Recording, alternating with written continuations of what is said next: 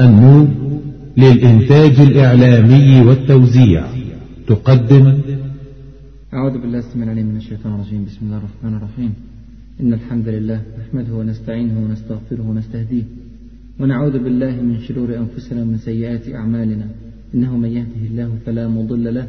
ومن يضلل فلا هادي له وأشهد أن لا إله إلا الله وحده لا شريك له وأشهد أن محمدا عبده ورسوله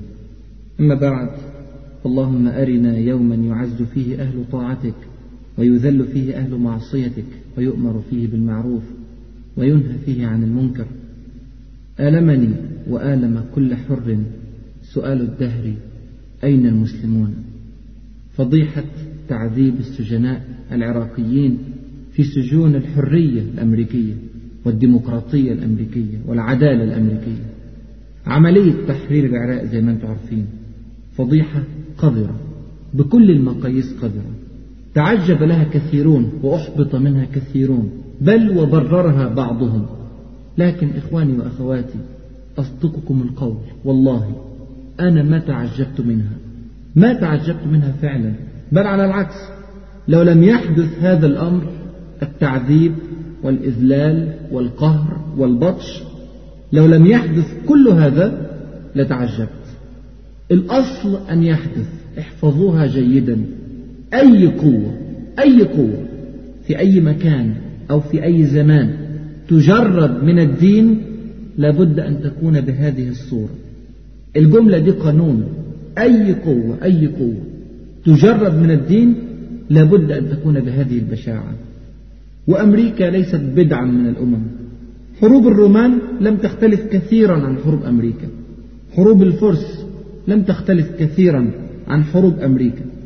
حروب إنجلترا وفرنسا وأسبانيا والبرتغال وغيرهم لم تختلف كثيرا عن حروب أمريكا قوة بلا دين أو ضمير أو خلق لابد أن تكون بهذه الصورة والذي يدرس خلفيات الجيش الأمريكاني الخلفيات التاريخية والأخلاقية والفكرية والدينية والتربوية لابد أن يتوقع هذا الأمر لكن قبل أن نحلل في خلفيات الجيش الأمريكي ونفسيات الجنود الأمريكان أريد أن ألفت الأنظار إلى ما هو أهم وأخطر من قضية صور الأسرى العراقيين المعذبين قد يقول قائل وهل هناك ما هو أبشع من تعذيب البشر وامتهان الإنسانية وإذلال الأسرى أقول نعم نعم يا إخوة يا أخوات هناك ما هو أبشع هناك الجريمة الكبرى والجناية العظمى هذا التعذيب للأسرى على بشاعته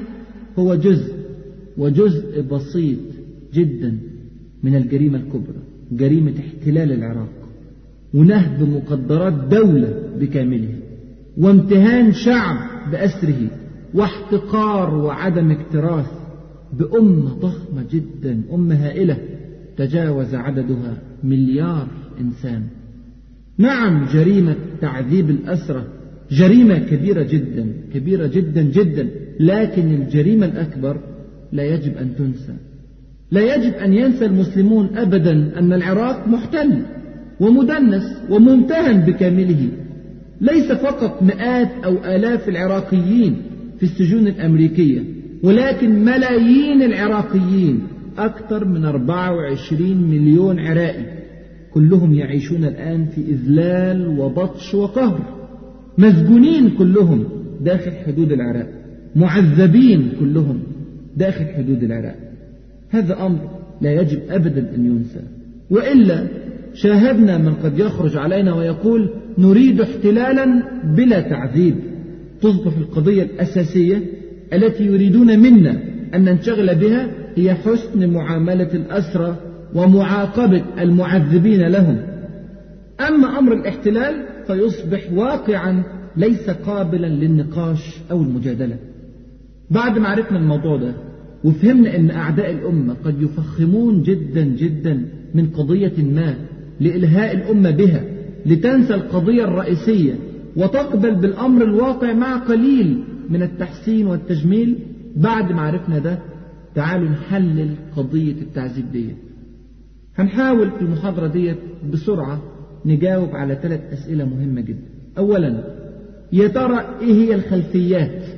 اللي دفعت الجند الأمريكي إلى هذا السلوك المشين يا ترى ده شيء طبيعي بالنسبة للجند الأمريكي ولا حاجة مخالفة للطبيعة الأمريكية ثانيا يا ترى ليه الصور ظهرت في الوقت ده بالذات مع أنها متصورة من ست شهور وبعضها متصور من سنة كاملة وأخيرا ما هو دورنا كشعوب في هذه الأزمة التي تمر بها الأمة أولا إيه هي خلفيات ونفسيات الجيش الأمريكي الذي يقوم بهذه الفظائع يا ترى دي أول مرة يعملها الجيش الأمريكي ولا الأمريكان متعودين على النوع ده من التعامل تعالوا نشوف الخلفيات التاريخية للجيوش الأمريكية أمريكا يا إخوة يا أخوات دولة مش قديمة مفيش جذور حضارية قديمة العملية كلها ما جابتش 250 سنة قامت في سنة 1776 ميلادية أقل من 250 سنة إزاي قامت؟ مجموعة كبيرة من النصارى البروتستانت الهربانين من اضطهاد الكاثوليك في أوروبا هربانين من إنجلترا من فرنسا من أسبانيا من إيطاليا من ألمانيا من غيرها من عموم أوروبا عبروا المحيط نزلوا على الأرض الجديدة أمريكا لقوا عايش عليها شعب كبير ضخم معروف باسم الهنود الحمر شعب عايش ومستوطن في الأرض ديت من مئات بل آلاف السنين أنا شفت هناك ليهم أثار من 2000 و3000 سنة للهنود الحمر في أرض أمريكا عمل إيه المتدينون البروتستانت الهربانين من الظلم الكاثوليكي قرروا يستوطنوا في الأرض الجديدة أمريكا طيب والشعب الأصلي اللي عايش في البلد مش مهم لا تقول لي شعب ولا تقول لي حق ولا تقول لي أخلاق ولا تقول لي دين البقاء للأقوى البقاء للأظلم للأبشع بدأت سلاسل من الإبادة والقهر للشعب الهندي الأحمر وبدأت عمليات المذابح الجماعية مفيش فرق بين مدني ومحارب مفيش فرق بين رجل ومرأة مفيش فرق بين كبير وصغير المسألة بالنسبة للمهاجرين الأوروبيين الجدد المتدينين مسألة حياة أو موت لا في قوانين ولا في قواعد إبادة لكل شيء سياسة الأرض المحروقة لا يبقون على بشر ولا شجر شعب الهند الأحمر اللي تعداده في أقل تقدير كان 50 مليون في بعض التقديرات يصل إلى 200 مليون وصل لكام بعد وصول الأوروبيين المتحضرين أجداد الأمريكان وصل لاثنين أو ثلاثة مليون على أكثر تقدير تخيلوا تخيلوا أن أمريكا بدأت وقامت وتأسست على أشلاء هذه العشرات من الملايين أصحاب الأرض وطبعا الأمريكان علشان يظهروا في صورة نظيفة قدام نفسهم وقدام أولادهم وأحفادهم وقدام العالم صوروا الهند الأحمر المقاوم لهم وما زالوا إلى الآن يصورون ذلك على أنه إرهابي متوحش دموي بيقاوم الأمريكان المتحضرين اللي عايزين الخير لأرض أمريكا الهنود ناس همجية عايشة في ديكتاتورية قبلية والأمريكان جايين يرسخوا الديمقراطية في بلاد الهنود يبقى ما فيش مانع إن الأمريكان يقتلوا 48 مليون هندي على الأقل علشان 2 مليون يعيشوا في ديمقراطية يا سلام دول هم أجداد الجيش الأمريكي اللي في العراق وأفغانستان هل هذه هي آخر المجازر؟ هل ممكن بقى نبتدي على نظيف زي ما بيقولوا؟ خلاص الهمجيون اتذبحوا والبدائيون اتحطوا في مقابر جماعية تعالوا بقى نعيش في ديمقراطية حضارية تبدأ مرحلة استعباد أفريقيا تبدأ مرحلة اصطياد البشر الأفارقة المساكين اللي برضه عايشين في بلادهم الإفريقية من مئات أو آلاف السنين الأمريكان عايزين ناس تخدمهم في أمريكا الهنود الحمر خلاص خلصوا وهم مرفهين أسياد جايين من أوروبا عايزين حد يخدمهم يزرع لهم يبني لهم يكنس الشوارع ينظف وراهم ازاي البيض يا اخواني ويا اخواتي كانوا بيصطادوا السود الأفارقة كانوا يدخلوا بالليل على القرى الإفريقية الآمنة على الناس اللي عايشة في حالها على الراجل وزوجته وأولاده وأمه وأبوه يعملوا إيه؟ يحرقوا القرية بكاملها يتفزع الناس الغلابة الراجل يشيل عياله ويجري ومعاه أهله خارج القرية يلاقوا البيض بره مستنيين بالأقفاص الكبيرة والبنادق والبارود والخناجر وطبعا الديمقراطية اللي بيقاوم طبعا بيعتبر إرهابي ومش فاهم مصلحته ولا مصلحة أمته وطبعا عقابه العادل القتل والذبح لإراحة الأرض من الإرهابيين الأفارقة وبدأت عمليات شحن الأفارقة من إفريقيا إلى أمريكا في ظروف يا إخوة يا أخوات لا إنسانية بالمرة بل والله لا حيوانية كان العبد يربط بالسلاسل في مكانه طوال فترة الشحن لا يبرح المكان أبدا لا يسمح لهم بالقيام حتى إلى دورات المياه مطلقا بل دورات مياههم حيث يسلسلون وتخيل معي الحياة في هذا الجو لمدة شهور حتى ترسو السفن على الموانئ الأمريكية المتحضرة ويتم بيع العبيد والنتيجة يا إخواني أنه لهذه الظروف البشعة في النقل كان يموت سبعين أو ثمانين في المية من الشحنة البشرية وكان البيض لا يكترثون بذلك فهم يعتبرون أن الذي مات كان ضعيفا وهو لن يقوى على السخرة في الأرض الأمريكية المتقدمة وأزهقت في النقل على مدار حوالي 200 سنة أرواح عشرات الملايين من الأفارقة السود ومن عاش منهم انتقل إلى حياة السخرة والبطش والقهر والاستعباد والذل وكل ذلك بلا ثمن ولا حق وترسخت العنصرية في نفوس الأمريكان الأبيض شيء والأسود شيء آخر تماما وقام السود في أمريكا بالبناء والزراعة والنظافة لتقوم أمريكا الديمقراطية هل هذا يا إخواني تاريخ فقط هل هذه أيام ومضت هل واقع أمريكا الحديث يختلف كثيرا عن هذه الذكريات المخزية هي مش برضو أمريكا هي الدولة الوحيدة في الأرض الوحيدة اللي استعملت السلاح النووي الإرهابي سلاح التدمير الشامل مش هي برضو الدولة الوحيدة اللي استعملته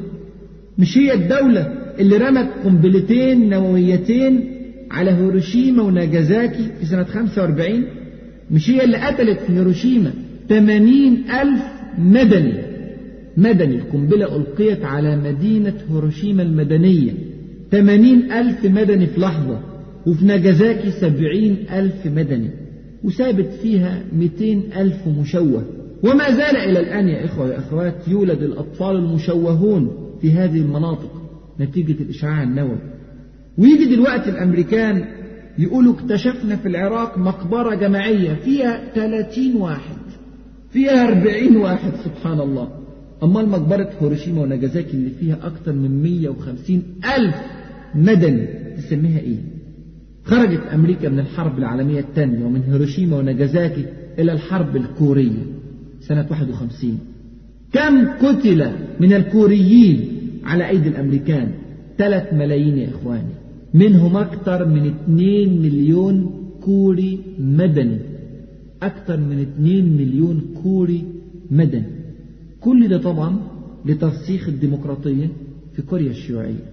وبعدين فيتنام من سنة 64 لسنة 73 إبادة وسحق للشعب الفيتنامي كم واحد اتقتلوا من الفيتناميين في أرضهم وفي ديارهم والامريكان داخلين عليهم في بلادهم كم واحد عارفين كم من 2 ل 4 مليون فيتنامي من اكبر حروب الاباده في التاريخ ناهيك عن تاريخ امريكا مع المسلمين انفسهم في تأييدهم المطلق لكل المجازر الصهيونيه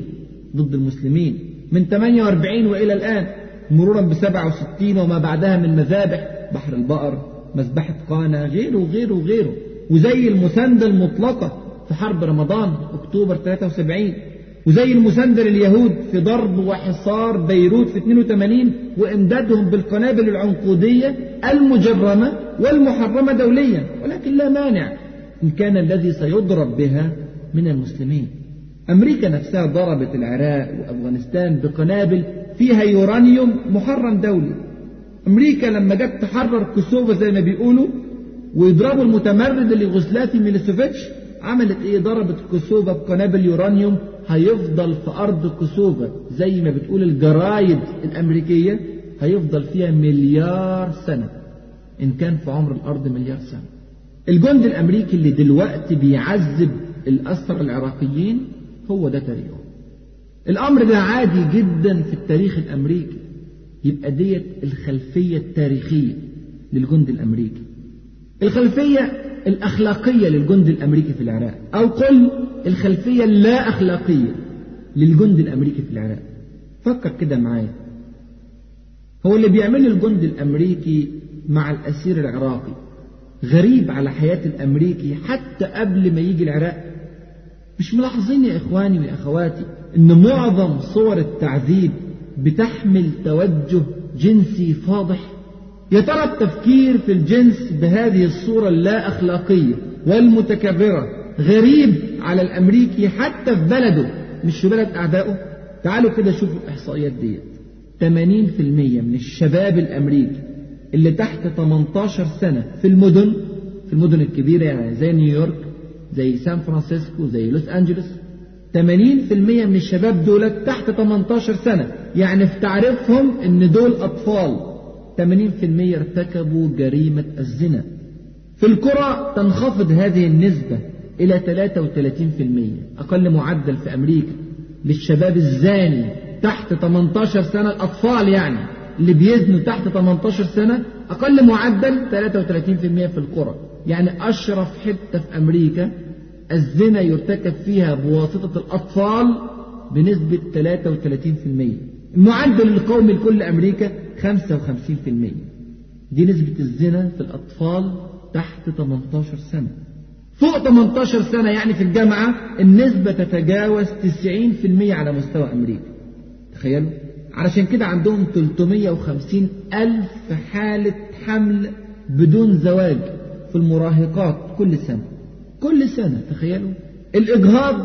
مراكز الصحة سجلت في سنة 98 مليون ومئتين سبعة وستين ألف وربعمية وخمستاشر حالة إجهاض تخيلوا أكتر من مليون وربع حالة إجهاض في سنة واحدة 24% من العائلات الأمريكية ما تعرفش رمز الأب ما فيهاش أب فيها أم بس الأم ممكن ما تكونش عارفة الأب أصلا لأن هي ارتكبت الزنا مع أكتر من راجل ربع الجيش الأمريكي ما يعرفش أبوه تخيلوا قد إيه مدى الانهيار الأخلاقي الشعب الأمريكي الخيانة الزوجية كما ذكرت مجلة يو اس توداي تصل إلى 60% 60% في الشعب الأمريكي هذا هو المعروف وما خفي كان أعظم 26% من الأمراض في أمريكا بصفة عامة أمراض جنسية تخيلوا نتيجة العلاقات غير المشروعة مستغربين بقى من حوادث الاعتداء الجنسي من الأمريكان على الأسرى العراقيين والأسيرات العراقيات عارفين في كام حالة اغتصاب في داخل أمريكا في سنة 93 فقط في سنة واحدة 93 مسجلين 380 ألف حالة اغتصاب لامرأة أمريكية داخل حدود أمريكا اغتصاب بالقوة طبعا ده غير الزنا بالتراضي طيب إذا كانت كل هذه الأرقام مش لافتة للنظر عند كثير اسمعوا لهذا التقرير تقرير وزارة العدل الأمريكية اتنشر في سنة 94 التقرير اتعمل عن دراسة اتعملت في سنة 92 في 12 ولاية أمريكية 12 ولاية بس يعني ربع أمريكا لقوا إيه في التقرير ده لقوا 10000 حالة اغتصاب في السنة في 12 ولاية بس لبنات تحت 12 سنة تخيلوا أطفال تحت 12 سنة بنات تحت 12 سنة حوادث اغتصاب في 12 ولاية بس 10000 حالة حوادث الاغتصاب لبنات فوق 12 سنة كتير جدا زي ما قلنا لكن تحت 12 سنة هناك 10000 طفلة في 12 ولاية اتعرضوا للاغتصاب الرقم رهيب وخطير حتى عندهم عامل لهم ازعاج لكن الاخطر منه وخلي بالكم وركزوا معايا الاخطر منه إن عشرين في المية من دول اغتصبنا بواسطة الآباء تخيلوا ألفين طفلة في 12 ولاية يغتصبنا بواسطة الآباء ده كله في سنة سنة واحدة كل سنة بنسمع عن الكلام ده هناك هذا تقرير وزارة العدل الأمريكية يعني تقرير رسمي وهو غالبا يعكس الصورة مخففة لأن الكثير الكثير من الحوادث لا تعلم ولا يبلغ عنها أصلا 54% من حالات الاغتصاب للبنات دولت الصغيرين دولت كانت بواسطة الأقارب ومعظمهم من المحارم يعني الأخ الخال العم و22% بواسطة المعارف 4% بس بواسطة أغراب يعني المصيبة جاية من جواهم يبقى إذا كان الجندي الأمريكي بيعمل الكلام ده في شعبه وفي وطنه وفي أحبابه وأصحابه بل وفي أبنائه يبقى هنستغرب لو عملوا في أعدائه المسلمين العراقيين الشذوذ الجنسي في الأمريكان زمان كان الأطباء النفسيين الأمريكان بيعتبروا الشذوذ الجنسي هذا مرض نفسي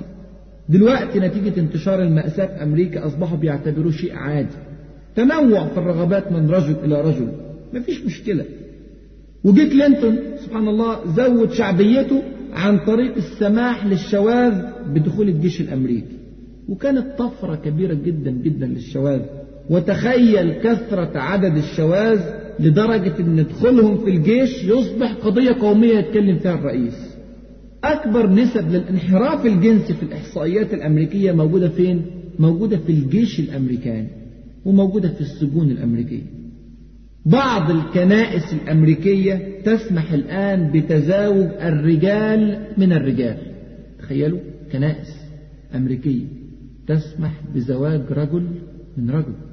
ولاية ماساتشوستس الأمريكية هي أول ولاية أمريكية تجعل في دستورها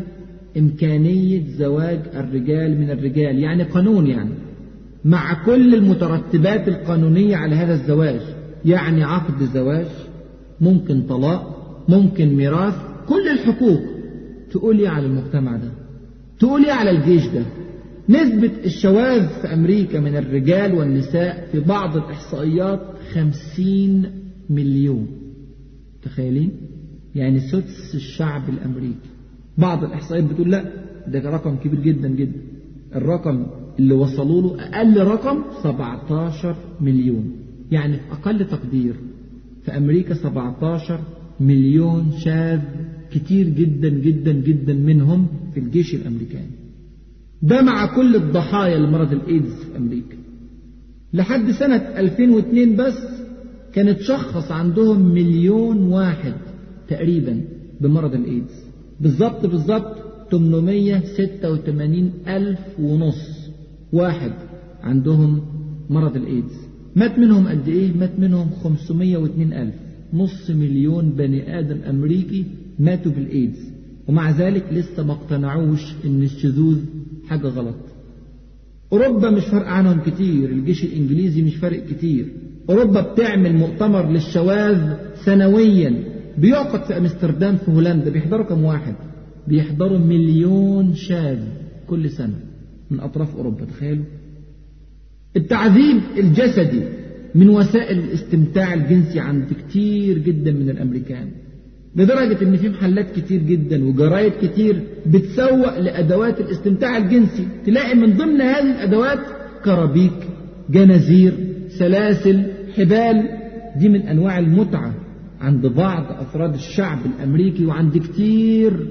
من أفراد الجيش الأمريكي وتخيل زي ما قلنا جيش وقوة بلا أخلاق ممكن يبقى شكلها إيه دي الخلفية الأخلاقية أو اللا أخلاقية للجنود الأمريكان الخلفية العنصرية للجيش الأمريكي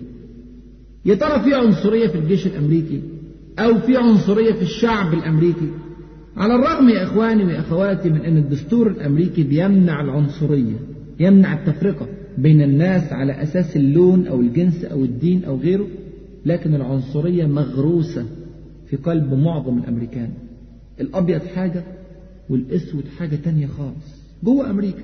حتى الأسود الأمريكي يعامل معاملة تانية خالص للبيض أحيائهم الجميلة وبيوتهم الأنيقة وشوارعهم النظيفة وللسود نظام تاني خالص أحياء شعبية قد تكون أدنى مستوى من بعض دول العالم الثالث بيوت مكسرة شوارع مبهدلة للبيض مدارس وللسود مدارس تانية للبيض جامعات وللسود جامعات تانية اه القانون يسمح للاسود انه يلتحق بمدارس البيض والعكس لكن الواقع غير كده الواقع بيقول ان الاسود بيعيش غريب وسط المجتمع الابيض ينظر له في كل لحظة نظرة دونية تماما نتج عن كده ايه نتج شعور شديد بالكراهية في قلوب السود ليس للبيض فقط ولكن للحياة بكاملها للبيض وللمجتمع وللعالم كله علشان كده تلاقي معدلات الجريمة في السود عالية جدا جدا أكثر من 80% من السجناء في أمريكا سود جرائم القتل البشعة والمخالفات الكبيرة جدا للقانون بيقوم بها السود كل ده من العنصرية والتمييز على أساس اللون والجنس وفكر معايا كده إذا كان الأبيض الأمريكي عنده عنصرية للأسود الأمريكي فما بالكم بعنصرية الأمريكي الأبيض تجاه غير الأمريكي أصلا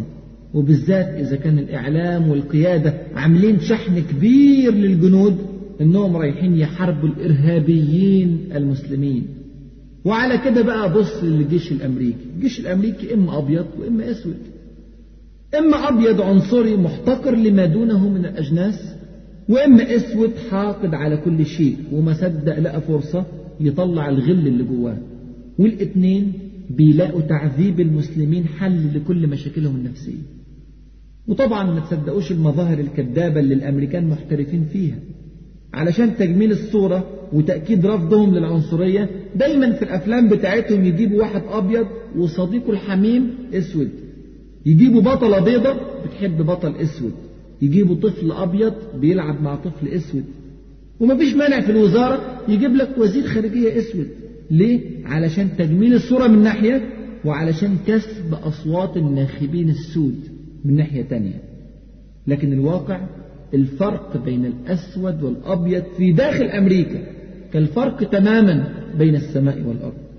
يبقى دي خلفية مهمة جدا للجيش الأمريكي بصفة عامة سواء كان أبيض أو أسود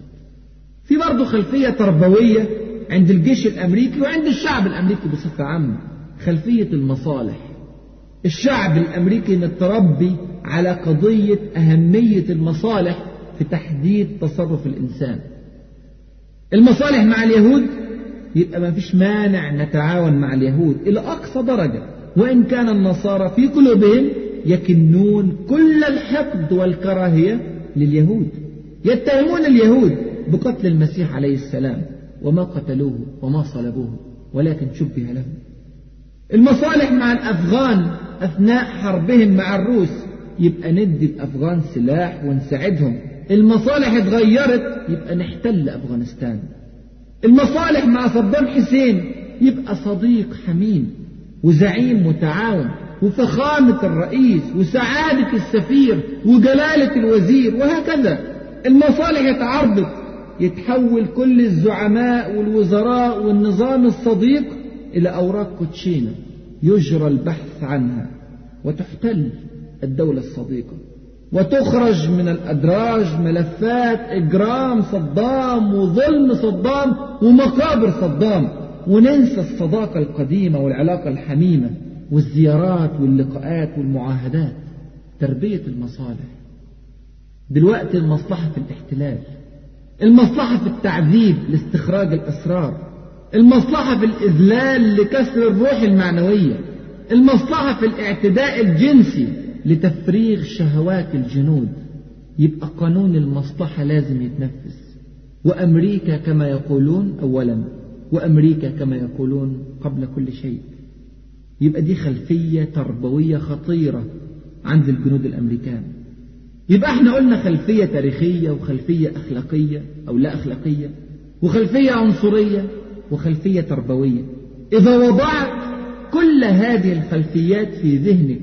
وعلمت أن هناك بالإضافة إلى كل هذه الخلفيات أوامر مباشرة من القيادة العسكرية الأمريكية بتعذيب السجناء وإذلال العراقيين يبقى كل شيء هيبقى واضح قدام عينيك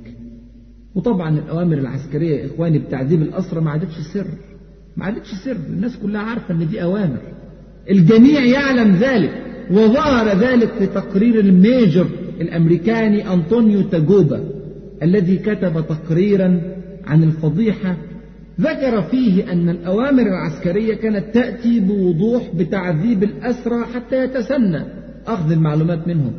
وذكر أن الرجال العراقيين كانوا يجبرون على لبس ملابس داخلية نسائية ويصوروا فوتوغرافيا وبالفيديو ثم يتم التعذيب وهم على هذه الصورة أو وهم عرايا تماما الكلام ده في تقرير رسمي للميجر أنطونيو تاجوبا رفع للسي اي اي المخابرات المركزية الأمريكية وحصلت عليه وكالة الأنباء الفرنسية ونشرته أظن لما تعرف كل اللي احنا بنتكلم فيه من نص ساعة وأكتر ده لابد أن تدرك أن التعذيب شيء متوقع جدا جدا في داخل السجون العراقية ومتوقع أن يكون بهذه البشاعة بل ومتوقع أن يكون بهذا الانحراف النفسي والشذوذ الجنسي اللي بيعكس بوضوح صورة الجندي الأمريكي طيب السؤال الثاني سؤال مهم جدا برضه ليه الصور دي ظهرت دلوقتي بالذات مع أنها التقطت منذ شهور وبعضها التقط منذ سنة كاملة ليه نخوة الصحفيين اتحركت دلوقتي بعد كمون شهور متتالية الصور دي يا إخوة يا أخوات حاجة من اتنين إما ظهرت برغبة القيادة الأمريكية أو رغما عن أنف القيادة الأمريكية من غصب عنها يعني في الحالة الأولى إن الكلام ده متسرب بمزاج الإدارة الأمريكية يبقى الغرض منها هو إيه؟ الغرض منها إذلال ليس الشعب العراقي فقط بل والأمة الإسلامية بكاملها رفع الروح المعنوية للجند الأمريكي وطمأنة الجند الأمريكي أنه مسيطر على الموقف تماما طيب ليه في التوقيت ده بالذات علشان يا إخواني أحداث الفلوجة وضراوة المقاومة العراقية واستشهاد 700 من المقاومين في الفلوجة بس وتساقط الجنود الأمريكان وظهور مقتطى الصدر وغيره وغيره من المقاومين كان لازم تخرج صور ترجع العراقيين زي ما بيقولوا كده إلى عقلهم يشوفوا اللي بيحصل في الأسرى اللي بيقاوموا الأمريكان وزي ما المثل عندنا بيقول اضرب المربوط يخاف السايب والرسالة دي مش بس للعراقيين لا دي لكل مسلم بيفكر انه يقاوم الجيش الامريكي سواء بقى في العراق أو في أفغانستان أو في سوريا مستقبلا أو إيران مستقبلا أو السودان مستقبلا أو غيره حسب البرنامج الإصلاحي الأمريكي ده احتمال لكن الاحتمال الثاني برضه ممكن وأنا أرجحه وهو إن الصور اتسربت بدون إرادة القيادة الأمريكية اتصورت بهدف فتح القيادة الأمريكية واتنشرت علشان نفس السبب طيب ليه؟ وليه في التوقيت ده بالذات راجع كده معايا المصادر اللي نشرت الأخبار ديت قناة السي بي اس الأمريكية قناة يهودية مية في المية جورنال اللي نشر الكلام ده الواشنطن بوست برضه جورنال يهودي مية في المية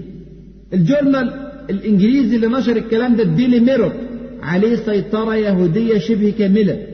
وكالة الأنباء الفرنسية اللي نشرت التقرير الرسمي بتاع الميجر أنطونيو تاجوبا اللي لسه كنا بنتكلم عليه من شوية وكالة يهودية 100% اليهود يا إخواني بصفة عامة يسيطرون على أكثر من 50% من الإعلام الأمريكي والإنجليزي والفرنسي وما تنسوش إن وكالة رويتر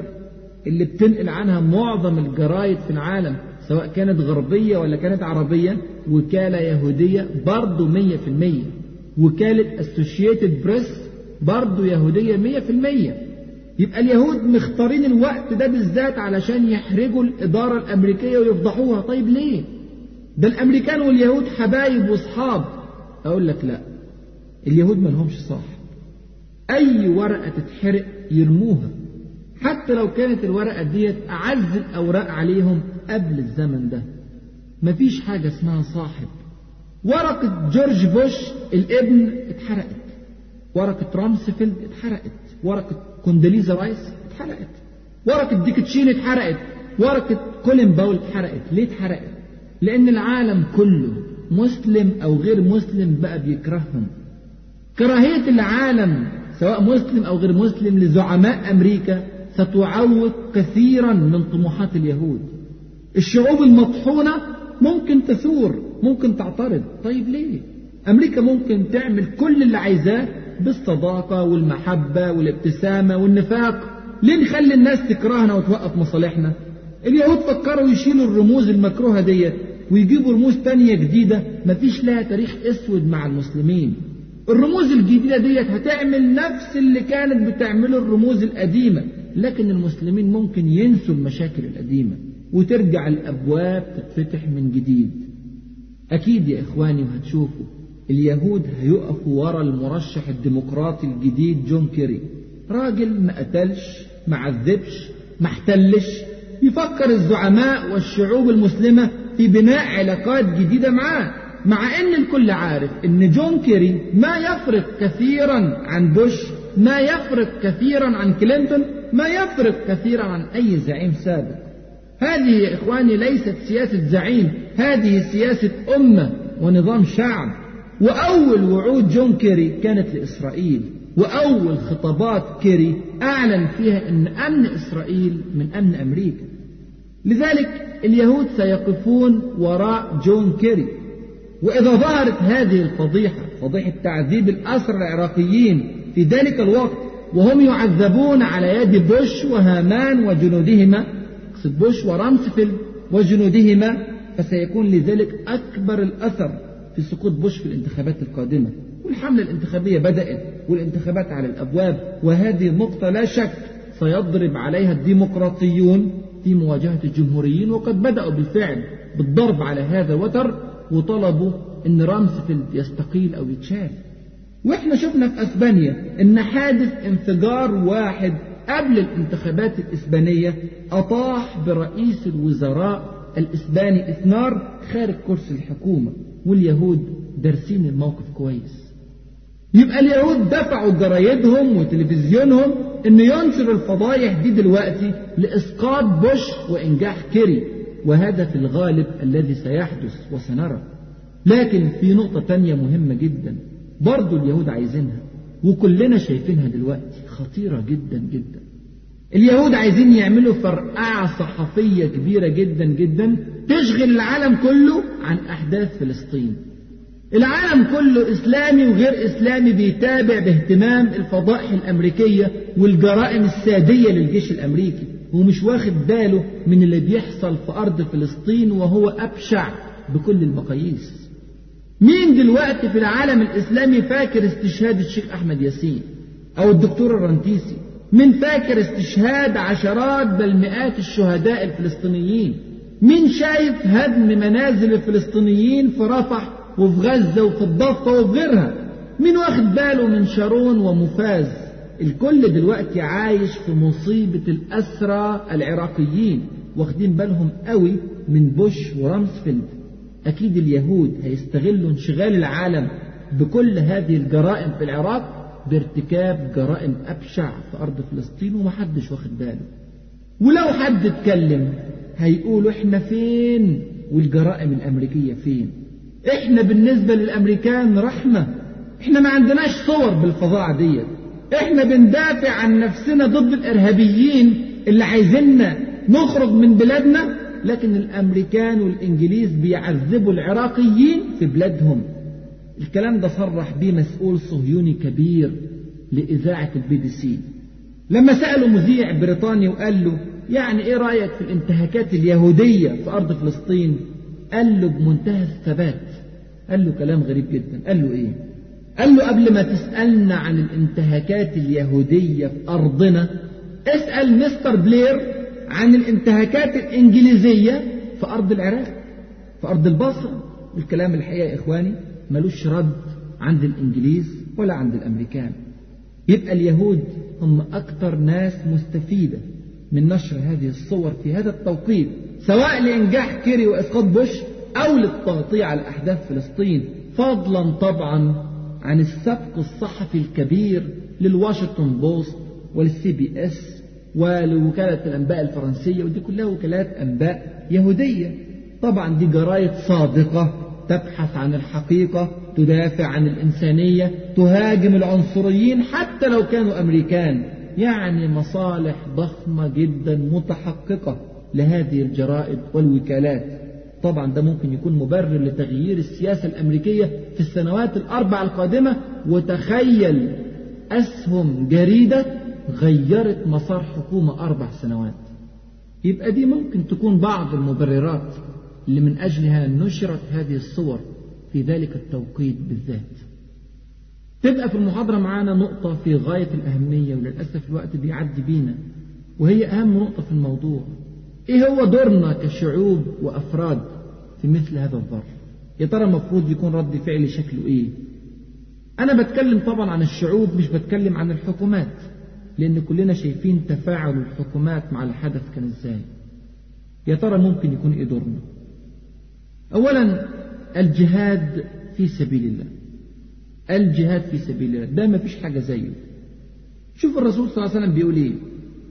يقول صلى الله عليه وسلم عندما سأله رجل وقال دلني على عمل يعدل الجهاد قال لا أجده مفيش فلما أعاد عليه الرجل السؤال أكثر من مرة قال هل تستطيع إذا خرج المجاهد أن تدخل مسجدك فتقوم ولا تفتر وتصوم ولا تفطر قال ومن يستطيع ذلك هو ده المجاهد يا إخواني كأن واحد صايم قايم على طول هو ده المجاهد الشعوب اللي مفتوح ليها باب الجهاد لازم تجاهد ما عندهاش اختيار تاني فلسطين العراق أفغانستان مش معقول مش معقول بعد كل اللي بيحصل ده ولسه برضه بعض الزعماء الفلسطينيين طمعانين ان حكومة بوش ورامسفيلد وكونداليزا رايس تعمل لهم دولة هذا كلام لا يقبل عقلا فضلا عن عدم قبوله شرعا أما الشعوب اللي نفسها تجاهد والباب لسه مش مفتوح فعليها أن تعلم أن الجهاد صعب جدا جدا محتاج تربية محتاج إعداد ممكن بكرة باب الجهاد يتفتح بإرادتنا أو بغير إرادتنا يا ترى كم واحد هيثبت في أرض الجهاد لازم تجهز نفسك من دلوقتي تربويا ومعنويا وبدنيا وماليا وأسريا لازم تعرف حياة المجاهد شكلها إيه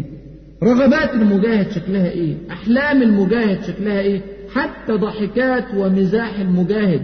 يا ترى شكله إيه دي تربية محتاجة وقت يا إخواني محتاجة مجهود محتاجة إخلاص محتاجة رجال ونساء وأطفال فاهمين كويس دور الأمة الإسلامية في الأرض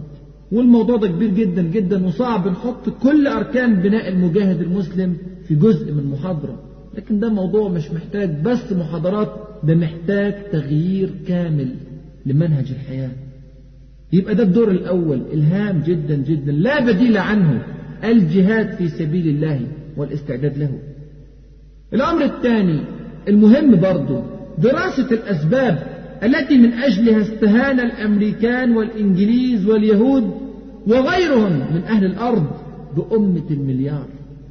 والأسباب يا إخواني وإن كانت كثيرة إلا أنني أقف على سبب رئيس جعله صلى الله عليه وسلم السبب الذي تأتي وراءه كل الأسباب هذا السبب جاء في حديث ثوبان رضي الله عنه وأرضاه الذي رواه أبو داود بسند صحيح قال فيه صلى الله عليه وسلم يوشك الأمم أن تداعى عليكم كما تداعى الأكلة إلى قصعتها فقال قائل ومن قلة نحن يومئذ قال بل أنتم يومئذ كثير مليار ولكنكم غثاء كغثاء السيل ولينزعن الله من صدور عدوكم المهابة منكم وليقذفن الله في قلوبكم الوهن فقال قائل يا رسول الله وما الوهن قال حب الدنيا وكراهية الموت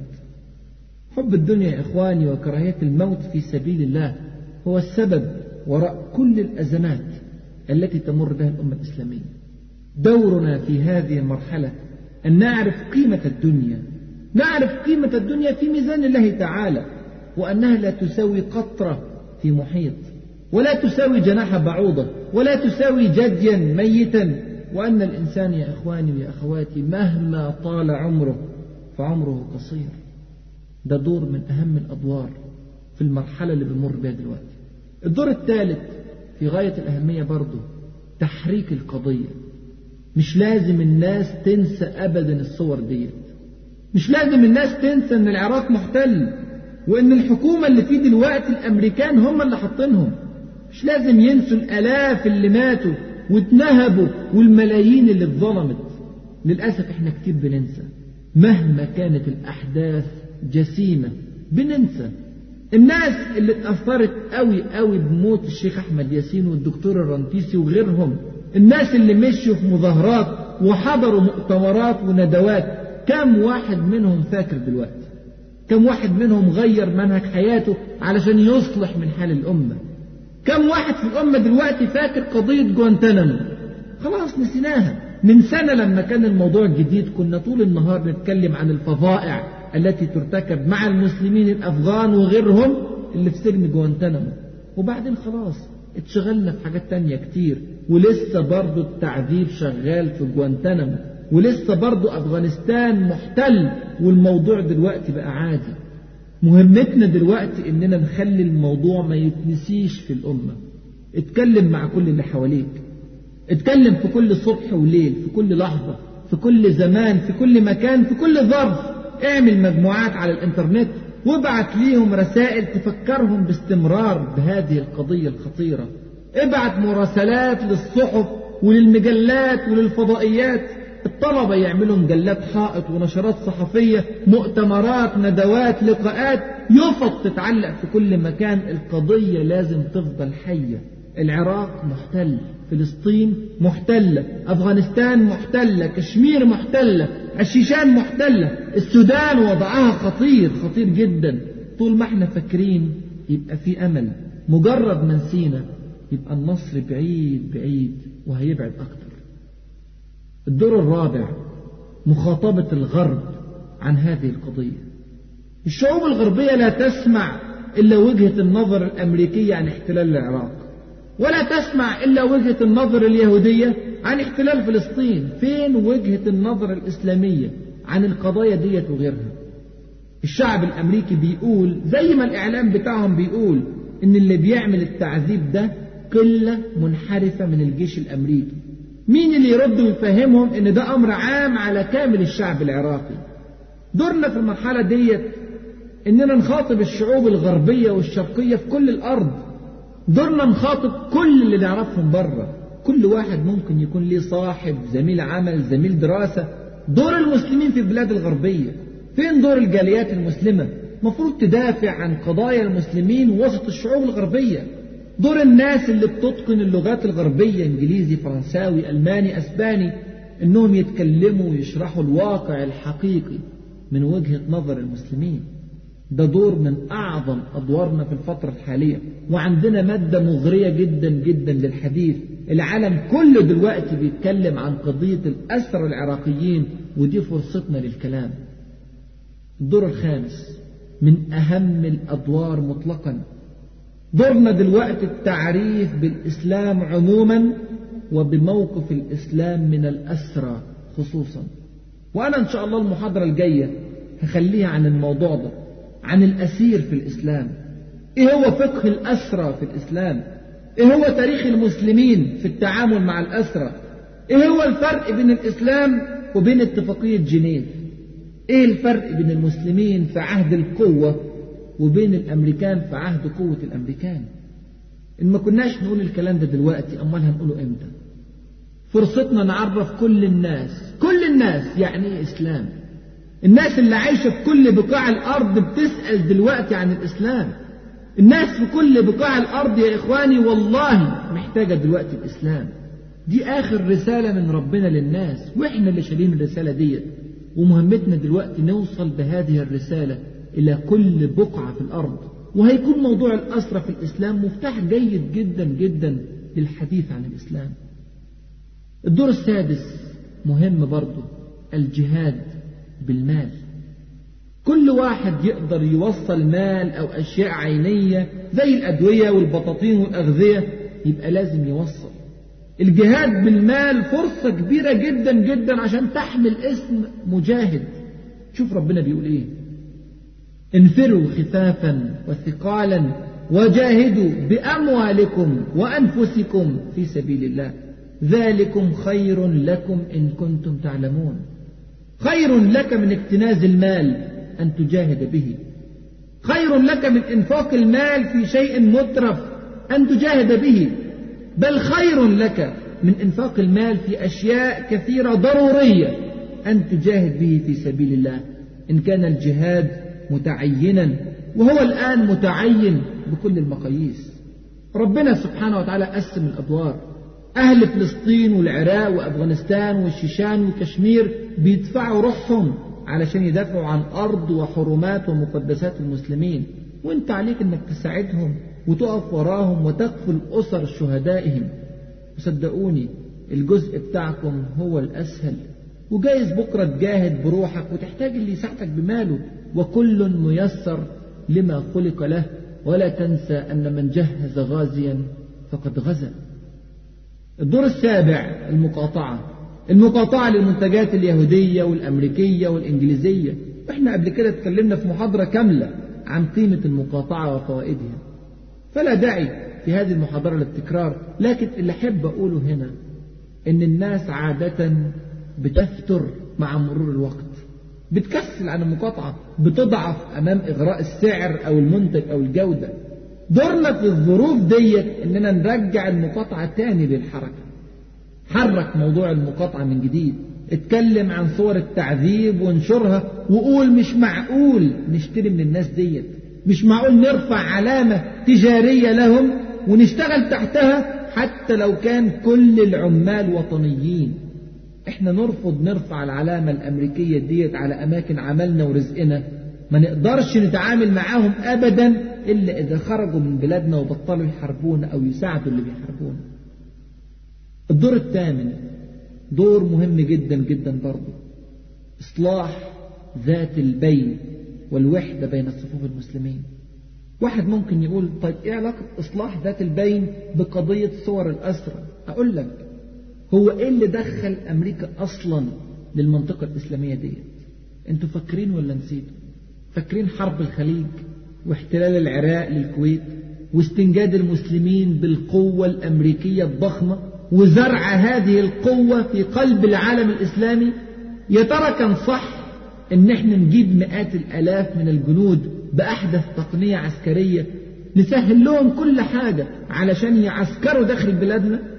ويا ترى اللي كنا هنخسره بعدم قدوم الأمريكان قد اللي كسبناه من قدوم الأمريكان ولا إحنا خسرنا أكتر كنا خايفين من احتلال العراق لدولة الكويت دولة الكويت مساحتها أقل من 18 ألف كيلومتر مربع عدد سكانها 2 مليون بالكتير وكتير منهم مش كويت أصلا يعني من بلاد تانية طيب أدي أمريكا احتلت العراق اللي مساحته مش 18 ألف لا 438 ألف كيلومتر مربع عدد سكانه مش 2 مليون أكتر من 24 مليون عراقي ويا ريت البلاد اللي اتحررت فعلا حرة طيب كان إيه البديل يعني كنا نسيب الكويت محتلة من العراق لا مش ده المقصود لكن المقصود هو أننا ننفذ ما جاء في كتاب الله عز وجل وإن طائفتان من المؤمنين اقتتلوا فأصلحوا بينهما فإن بغت إحداهما على الأخرى فقاتلوا التي تبغي حتى تفيء إلى أمر الله فين الدول العربية والإسلامية ليه ما تجمعوش بجدية للإصلاح بين المتنازعين فإن فشل الإصلاح يا إخواني فإنه يجب تكوين جيش إسلامي موحد يرد العراق عن ظلم الكويت تفتكروا العراق كانت هتحارب الدول الإسلامية مجتمعة كانت هتحارب السعودية ومصر والسودان وسوريا وباكستان وأندونيسيا وعد دول لا حصر لها فين وحدة المسلمين اللي كانت هتوفر علينا مشاكل لا حصر لها وأنا هرجع أكلمك كفرد وكشعب جايز مش في ايديك انك توحد العالم الاسلامي وتكون جيش اسلامي على غرار حلف الناتو مثلا قادر على حل كل المشاكل الاسلاميه الداخليه جايز ده مش في ايديك لكن مستحيل الزعماء والدول هتتحد اذا كانت افراد في داخل كل شعب مختلفين علشان كده لازم نبدا من جوانا كل واحد بيشوف معارفه واصحابه وجيرانه يا ترى في بينك وبين اي حد مشاكل وخلافات وشقاق وفراق الحق بسرعة صلحه مفيش مانع تتنازل شوية عن حق من حقوقك نقرب وجهات النظر انت مش هتسيب لحد غريب انت هتسيب لاخوك انما المؤمنون اخوة وحاول برضه تحل المشاكل اللي بين الناس حتى لو كنت انت مش طرف فيها ومفيش مانع ان كل مجتمع صغير يعمل لجنة تحل المنازعات في هذا المجتمع تحقق في المشكلة تصلح تقرب تساعد ليه لا على غرار الوحدة الإسلامية الكبرى التي نريدها وحدة إسلامية في كل شارع في كل مسجد في كل شركة في كل مصلحة في كل عمارة عايزين نحس بالشعور الأمة الواحدة إن هذه أمتكم أمة واحدة وأنا ربكم فاعبدون إن ما كناش نحس بالشعور ده دلوقتي في الأزمات الخطيرة ديت أمال إمتى هنحس بالشعور الأمة الواحدة يبقى دي نقطة في منتهى الأهمية يا إخواني الدور التاسع الدعاء ولم أؤخره لكل أهميته حاشا لله ولكن الدعاء لابد له من عمل حتى يقبل كما يقول أنس بن مالك رضي الله عنه وأرضاه الدعاء يرفعه العمل فآثرت أن أقدم بعض الأعمال التي من الممكن كشعوب أن نشارك بها إياك أن تقف عن الدعاء لحظة إياك أن تقف عنه في كل صلاة في كل سجود في أي سفر عند نزول المطر في كل أوقات الإجابة والله عز وجل قريب ولا يرد الدعاء إذا جاء من قلب مخلص وإذا جاء من مؤمن صالح طاهر الدور العاشر والأخير في هذه المحاضرة وليس الآخر والأمر متروك لكل الأمة أن تفكر في أدوار إيجابية لنصرة قضايا المسلمين الدور العاشر هو زرع الأمل في نفوس الأمة إذا تسلل الإحباط إلى نفوس المسلمين فالنصر بعيد بعيد جدا نشر هذه الصور يهدف إلى زرع الإحباط في نفوس المسلمين وبالتالي التعامل مع الأحداث بسلبية وانهزامية نصر الله عز وجل يا إخواني لابد أن يتحقق والأمل لا يجب أن يموت أبدا في قلوب المؤمنين الابتلاء في حياة المؤمنين لابد أن يكون التعذيب والقهر والبطش ليس جديدا على الأرض كان في التاريخ ونشاهده في الواقع وسيكون في المستقبل لكن تعلمنا أنه دائما مع العسر يسرا وتعلمنا أنه دائما يأتي بعد الليل فجر وتعلمنا أنه دائما تقوم أمة الإسلام بعد كل سقوط وبعد كل محنة موقفنا دلوقتي يا إخواني مش أصعب من موقف المسلمين في مكة وهم يعذبون صباح مساء موقفنا مش أصعب من موقف خباب بن الأرت رضي الله عنه الذي كان يوضع على الفحم الملتهب حتى كانت الحفر في ظهره وكان يقوى في رأسه بالنار موقفنا الآن مش أصعب من هذا الموقف ومع ذلك عندما ذهب خباب بن الأرت رضي الله عنه وأرضاه يشكو إلى رسول الله صلى الله عليه وسلم الحال التي وصل إليها ويقول له إن الألم قد بلغ به المدى ألا تدعو الله لنا ألا تستنصر لنا لمح رسول الله صلى الله عليه وسلم نزعة يأس وإحباط في كلام خباب بن الأرت ماذا فعل رسول الله صلى الله عليه وسلم انتفض صلى الله عليه وسلم كان متكئا فجلس وقد احمر وجهه من الغضب وقال وهو يعلم خباب ويعلمنا يعلمنا أن الطريق طويل طويل لكن دائما في آخره نجاح وفلاح وعزة وتمكين قال له في ثبات كان الرجل في من قبلكم يحفر له في الأرض فيجعل فيه فيجاء بالمنشار فيوضع على رأسه فيشق باثنتين وما يصده ذلك عن دينه ويمشط بأمشاط الحديد ما دون لحمه من عظم أو عصب وما يصده ذلك عن دينه لسه الطريق طويل يا إخواني لكن شوف ألي في الآخر قال وأقسم صلى الله عليه وسلم وهو لا يحتاج إلى قسم ولكن ليزرع هذه الحقيقة في قلوب المؤمنين قال والله ليتمن هذا الأمر أي ليتمن الله هذا الأمر حتى يسير الراكب من صنعاء إلى حضرموت لا يخاف إلا الله أو الذئب على غنمه ولكنكم تستعجلون يا الله تخيل في هذه الظروف الصعبة يبشره بالنصر والتمكين والسيادة هكذا علمنا رسولنا وحبيبنا محمد صلى الله عليه وسلم إخوانا والله اللي بيحصل في السجون العراقية ده ممكن يكون إرهاصة نصر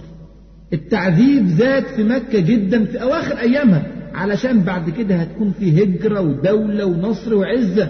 اتحبسوا في الشعب واتحبس الرسول صلى الله عليه وسلم خارج مكة لما رجع من الطائف واتحبس داخل مكة بعد كده وكان التخطيط انه يتحبس في بيته او يتقتل ولكن ويمكرون ويمكر الله والله خير الماكرين الحكاية دي ما كانتش مع الرسول صلى الله عليه وسلم بس لا مع كل الرسل سنة من سنن الله عز وجل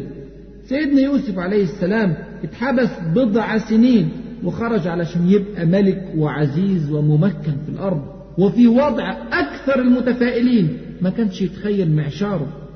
سيدنا نوح عليه السلام اتنصر في وقت اتقفلت فيه كل أبواب الدعوة